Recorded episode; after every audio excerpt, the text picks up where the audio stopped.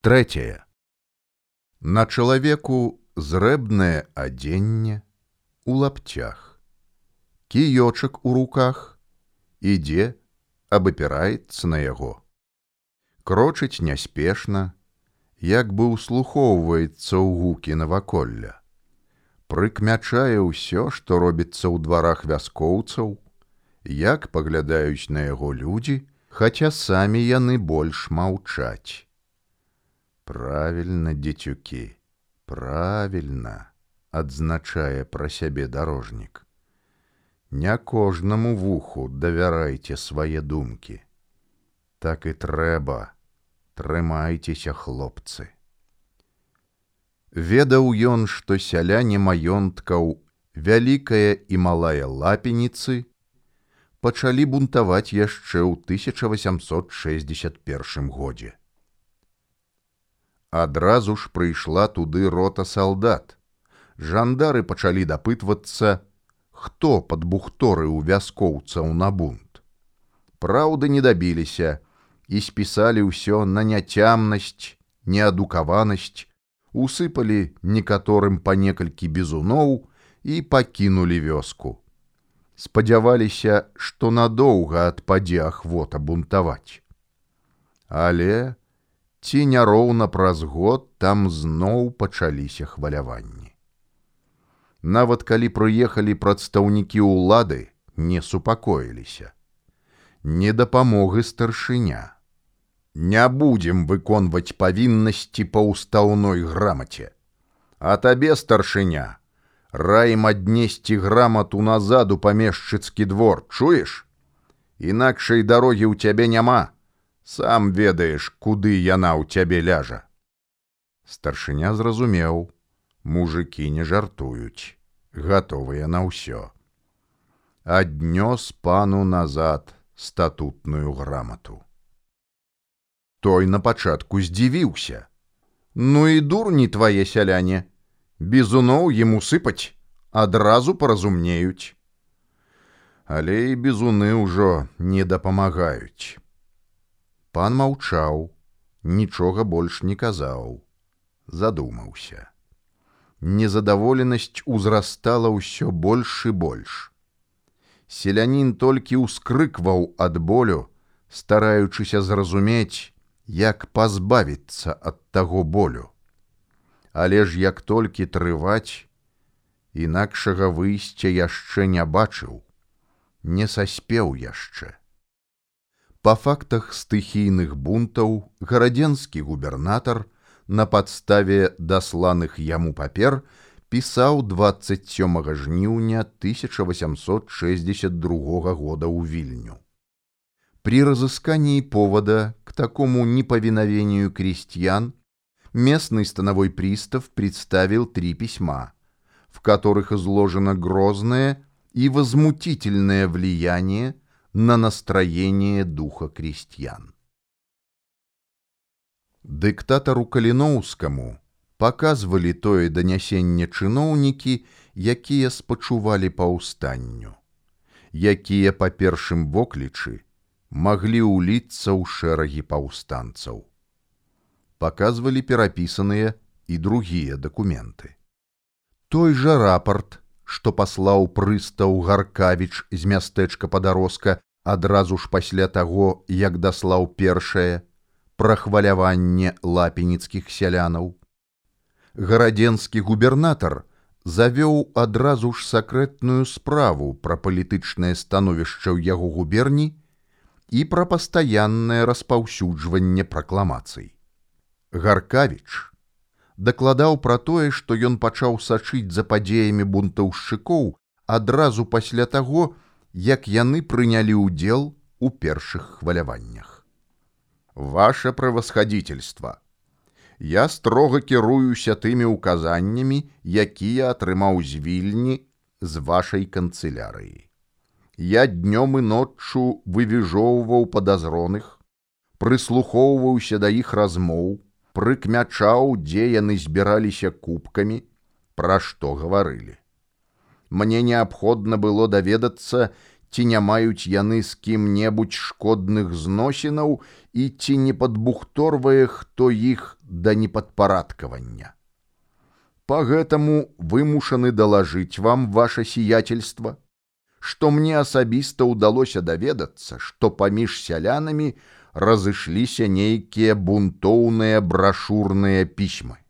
Але як толькі я непрыкметна набліжаўся да сялянаў, яны адразу ж замаўкалі. Альбо пераходзілі на іншую тэму гаворкі, гаварылі пра кароў ці малако, пра ўраджай ці дажджы. Сяляне вымушаны далажыць вам, трымаліся дружна, да іх зусім нельга было падступіцца. Я добра разумеў, што ў дзёрскіх сялянаў немагчыма будзе мне самому што-небудзь захапіць. Але я знайшоў сабе памочнікаў, тайных і яўных.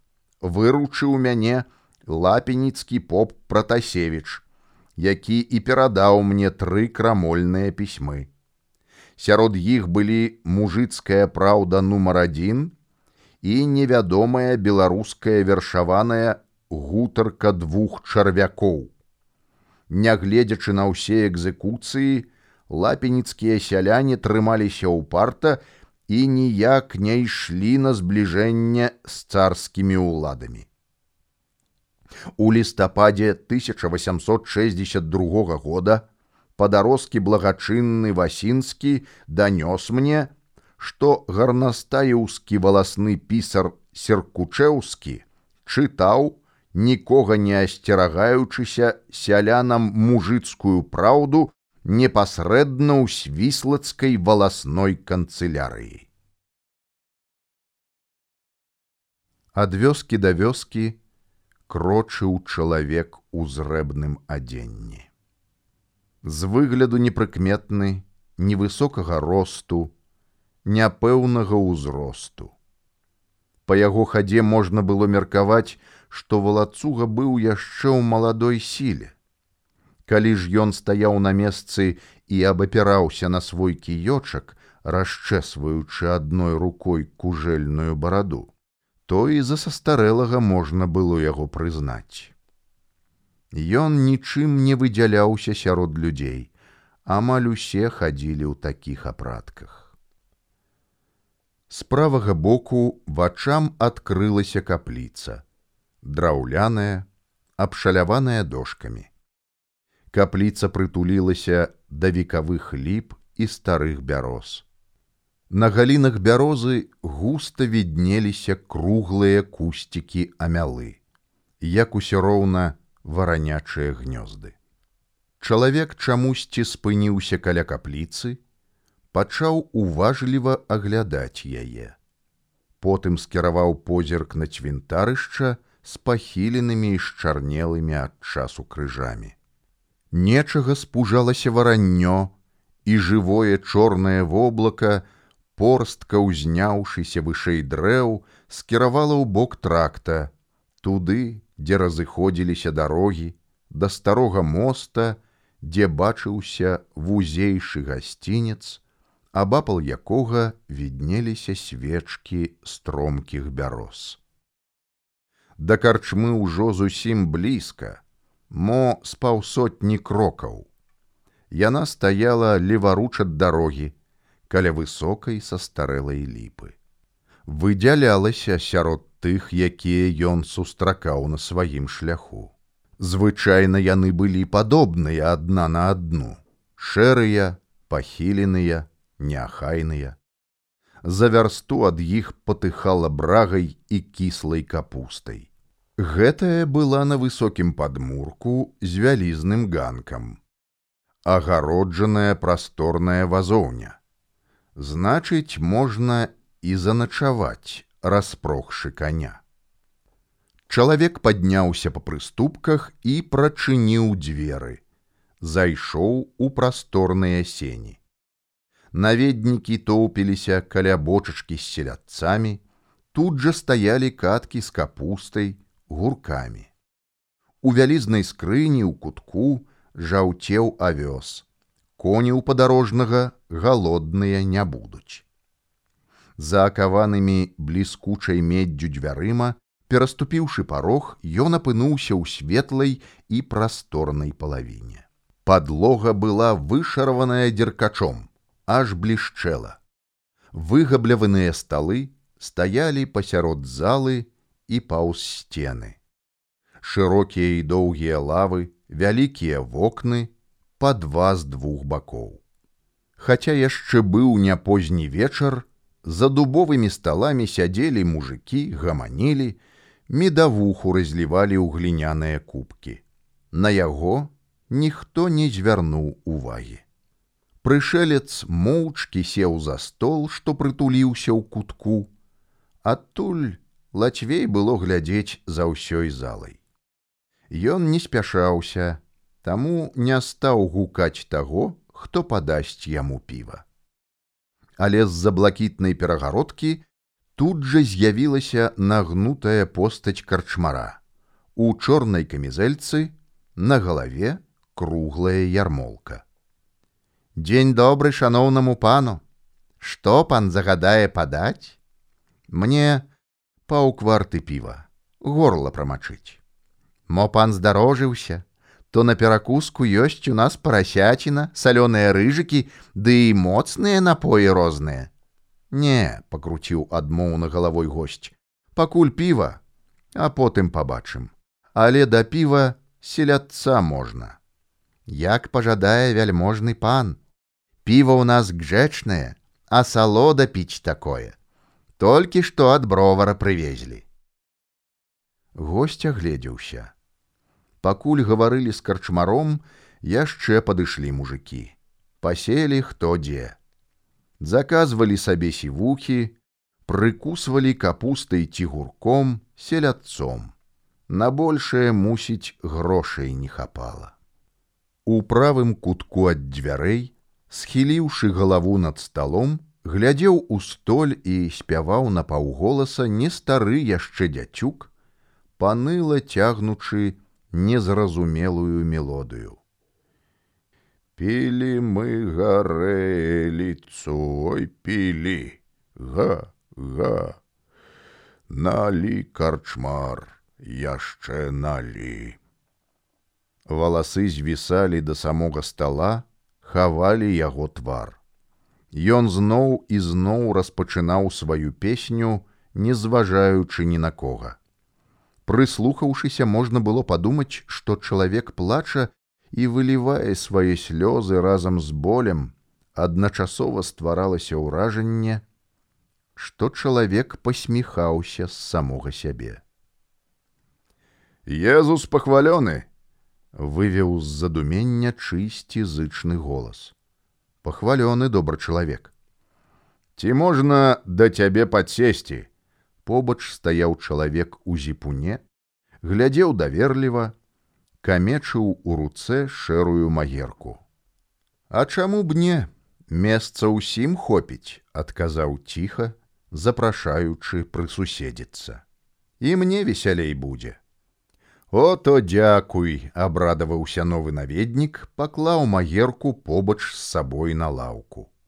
Агледзеўся, крутануў галаву ў адзін бок, у другі, як шукаючы каго. Пілі мы гарэліцу, ой пілі, Га, га, налі карчмар, яшчэ налі. Відаць, ты не тутэйшы, пацікавіўся, не адрываючы позірку ад чырвонай паркалёвай занавескі, за якой знік карчмар. Не, спадвільні я. Не так і далёка адсюль. Ото я бачу і апранаха ў цябе не нашая і гаворка трошки адрозніваецца сусед скончыў свае агледзіны.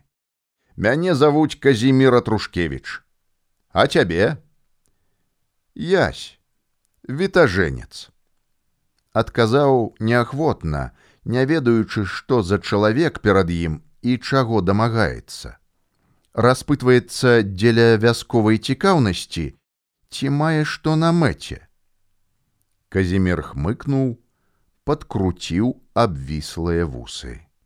Во якое супадзенне! Яська, ды яшчэ з-пад вільні, Мо яшчэ яська гаспадар? Не, позірк не насцярожаны, падумалася. І ў голасе няма той вывіжоўнай цікавасці, што ў шпігаў. Значыць, на размову напрошваецца, адвесці душу хоча. А што, не падобны, хітра з-пад лба зеркануў на казіміра. Не таго гатунку. Да іх у гэты момант падышоў карчмар, паставіў перад ясем кварту з півам, парэзаны селядец з цыбуляю на гліняным сподку. Табе, што прынесці казімір, звярнуўся ён да новага наведніка, пэўна ведаў яго. Той узняў галаву, паглядзеў на карчмара, абыякова праказаў: « А тое, што і заўсягды Маісеяў улюблёнец. Хоць Майсей і не загадваў табе іцка спойваць праваслаўны народ, але ты хорошы чалавек. І ў доўг наліць можаш, і рубля пазычыць. Іцка зрабіў выгляд, што пакрыўдзіўся. Вуй, ну хіба так казаць можна пра беднага іудзея? Чаму я спойваю людзей? Я ім весялосць даю, радасць. Прыйдуць сюды, пагамоняць, паспяваюць, душу адвядуць, а ты спойваеш. Я ж не прымушаю піць. Во чалавек не захацеў маёй сівухі, дык півам душу адвядзе. Казімір крутануў галавой, паглядзеў на яся з усмешкай прамовіў: « Не прымушаеш, А аканомаву сівуху, што табе пастаўляе, паспрабуй не выпі. Дык ён і так тыя грошы адбярэ. Жывадзёры вы з ім заадно.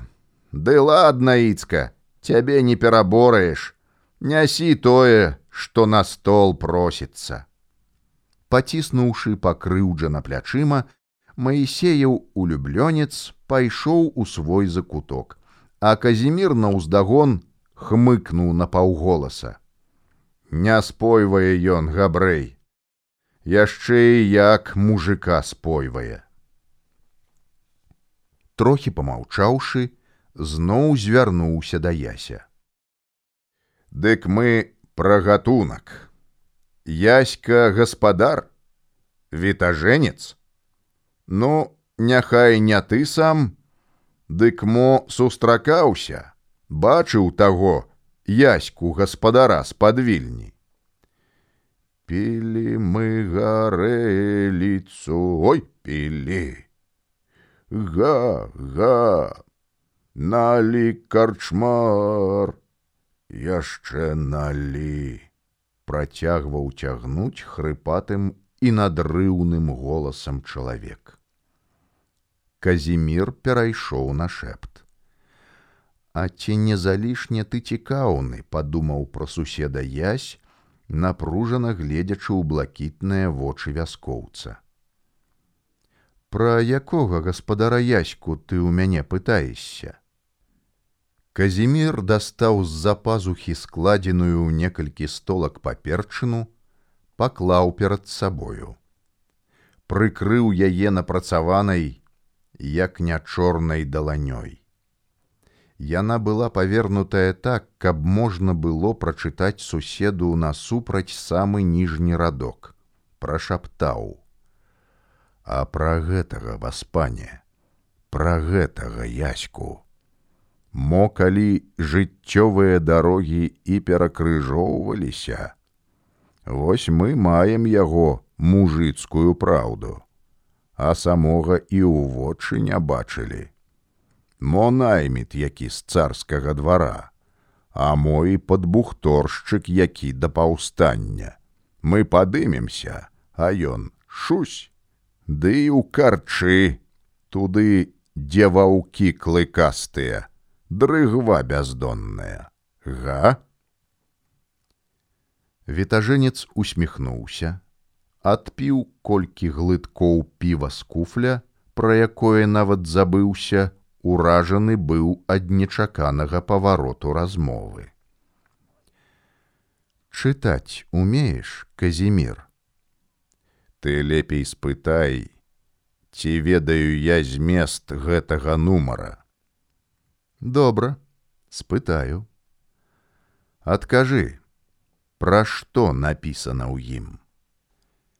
Не адымаючы рукі ад паперы, але прысунуўшы яе бліжэй да сябе, набраўшы паветра ў грудзі, падрыхтаваўся нешта сказаць, але ў гэты ж момант да іх падышоў карчмар.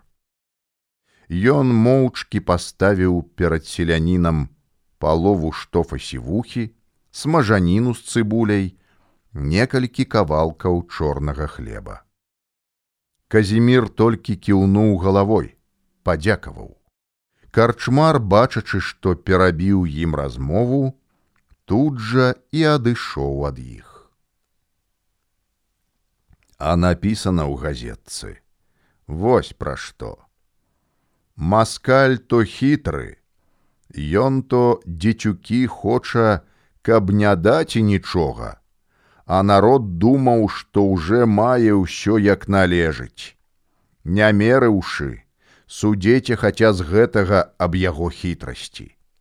Два рокі уже таму, калі яшчэ ніякіх маніфестаў о вольнасці не аб'яўлялі, народу Петербургу, Маскве і па цэлай рассеі пачаў вельмі крычаці, што калі ронд не дасць яму вольнасці, то ён цэлаю грамадою 19 февраля збунтуецца. Тагды цар бачу збаяўся і вялеў сенатаві з'ехацца, а народаві аб'явіць, што ў посце вольнасць дастане. Народ дурны поверыў ды разышоўся, а цар з сенатам паталкаваўшы, як мінула трывога, так і аб'явіў у месяцу вольнасці маніфест. А ў маніфесте прыказвае мужикам служыць да часу паншчыну па-старому, а па-новаму заплаціць больш грошай у казну на пісараў, пасрэднікаў, да і чорт іх ведае на што. Судзеце ж цяпер самі, чы ж не ашуківаюць нас. Казімир сцішыў голас, агледзеўся вакол, забыўшыся на сівуху і вячэру но ненадоўга здасца ім круцельства. Бо, як я казаў, мы уже пазналі, што нам не маніфестаў, а вольнасці патрэба. І то вольнасці не такой, якую нам цар схоча даці, но якую мы самі, мужикі, паміж сабою зробімо. А для таго, дзецюкі, каб ніхто вас не мога шукаці, Цяпер уже талкуйце паміж сабою, якой вам вольнасці патрэба і якім адно спосабам мужик яе дастаць можа. Только дзецюкі смела, бо з намі Бог і праўда, а калі мы з Богом, то з намі ваяваць і трудна, бо боска моц вяліка, а народу много.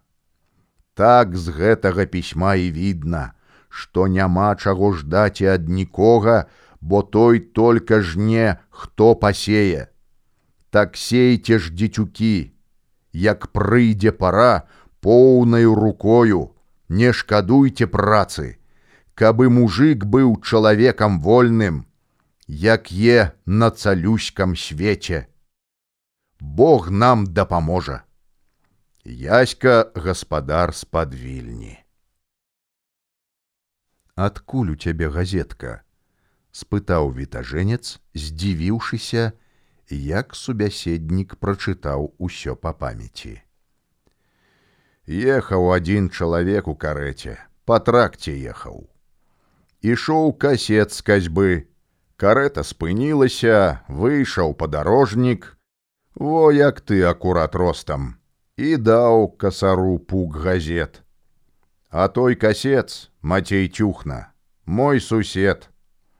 Мы носім газеты па ўсіх вёсках, раздаем людям. Вечарамі збіраемся ў каго, чытаем. Я чытаць не ўмею, толькі запамінаю ўсё. Кожнае слово памятаю.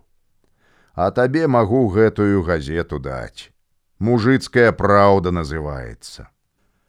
Калі ты умееш чытаць вас, пане, умееш?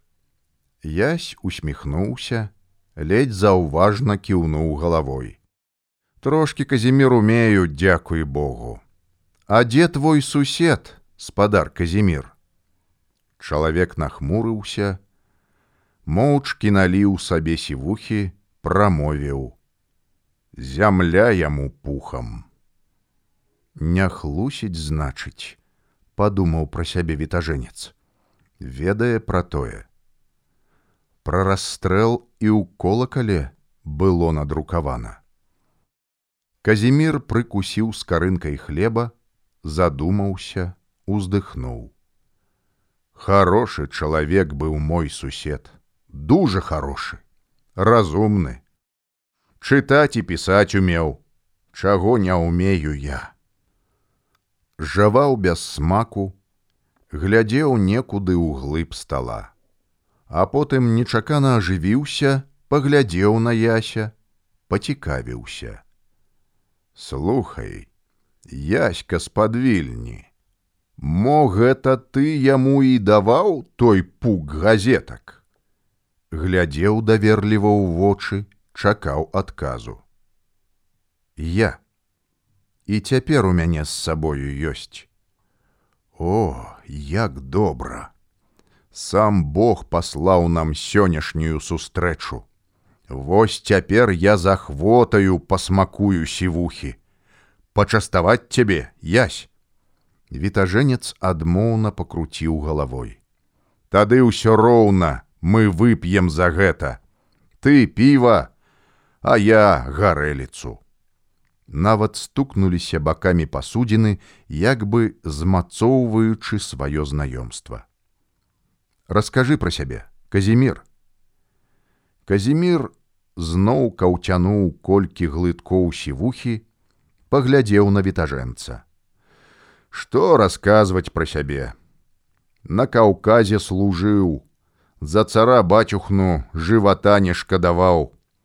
З генерал-маёрам сляпцовым служыў, выдатны быў чалавек. Сябар Михайлы Лермонтова, паэта. Калі вучыліся ў школе гвардзейскіх юнкераў і падпрапаршчыкаў, сядзелі за адной скамейкай. Загінуў генерал, як я даведаўся у 1851 годзе. Мы з шамілём ваявалі. Шаміля во як цябе блізка бачыў. Правадніком быў у хаджы мурата. Глядзі ты, здзівіўся ясь. Ёсць пра што ўспомніць. Ёсць, братка, ёсць. Паранены, пакрамсаны шамілёўскімі шаблямі, А які мяне д'ябал паслаў туды ваяваць і сам не ведаю. Не з кароны народ горцы, гордыя, адважныя і смелыя. Тайна я сябраваў з адным горцам. Давяраў я яму, як і ён мне. А якія настроі былі сярод салдатаў, з якімі ты служыў? Ды якія настроі? ад дома адарвалі на 25 гадоў, а ў кожнага дома бацькі, якія не могуць пракарміцца, і салдат нічым памагчы не можа. Хто жонку пакінуў з дзецьмі, а хто адзінокіх бацькоў. Паміж сабой пагаворым, як бядотна жыць на свеце, і ўсё. Некалькі салдат у голас загаварылі, што жыць так нельга. І не ведаем, куды яны падзеліся. Вось бы нам такую тады б газетку, як гэтая. Ды назвалі б яе салдацкая праўда, то мы шмат чаго зразумелі б. А з гэтай мужыцкай праўды мужик зразумее, папытаўся ясь пра галоўнае. Ці пра тое расказвае і вучыць яська з-пад вільні. Пра тое, што трэба. Баяцца яе царскія служкі. Вітажэнец усміхнуўся, абрадаваўся, пачуўшы такое. А цяпер адкажы мне казімір на галоўнае пытанне ці гатовыя падняцца дзецюкі з вёсак ці можа на іх пакласціся паўстанне? Гатовы. Праўда не ўсе але большасць чакае толькі сігналу. Калі ён будзе я світажэнец. Будзе. Мала ўжо засталося часу да таго дня. Хутчэй бы вітажэнец дастаў з шэрай паношанай кайстры пачак газет абгорнутых старым рыззём паклаў побач з казімірам на лаўку.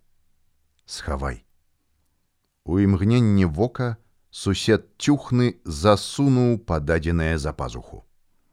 Вітажэнец даеў селядец дапіў піва. Казімір дапіў рэшту сівухі. Маўчалі. За суседнімі сталамі гаварылі пра адвечныя дзецюкі, лаючы сваіх жонак, тых, хто прыцясняў іх, не даваў вольна дыхнуць. Во хорошы момант попытацца ва ўсіх пра жыццё быццё, Ды карчма не месца для такіх размоваў. А сабраць іх у іншым месцы немагчыма добра што сустрэўся казімір няхай і раскажа пра іх гутарку ды толькі не прызнаецца з кім бачыўся. Мне пора казімір! Сутоньвацца пачало ўжо паглядзеў на шэрае акно язь я пайду адзін не праводзь мяне куды цяпер пойдзеш гаспадар з-пад вільні? Мо заначаваў бы ў мяне. Час цяпер неспакойны, Усюды шпікі царскія шныраюць. Таму і не хачу, растлумачыў вітажэнец. Яны палююць за мной. Мне трэба быць асцярожным, Таму бараду прыклею сабе. Добра, згодзін. Што на развітанне скажаш? Каб мужикам перадаў газеты. Каб сказаў ім, што хутка грымне гром і пачнецца навальніца. За ім, відаць, назіраў карчмар, бо, пабачыўшы, што госць дапіў піва, падышоў да яго. Вітажэнец выклаў грошы, падзякаваў. Будзем рады вас зноў бачыць у нас, нахіліўся ў паклоне карчмар. Добрым гасцям мы заўсёды рады. Ніхто не заўважыў, як кастусь каліноўскі пакінуў карчму. Праз хвіліну яго паглынула цемра, схавала ад чужога позірку.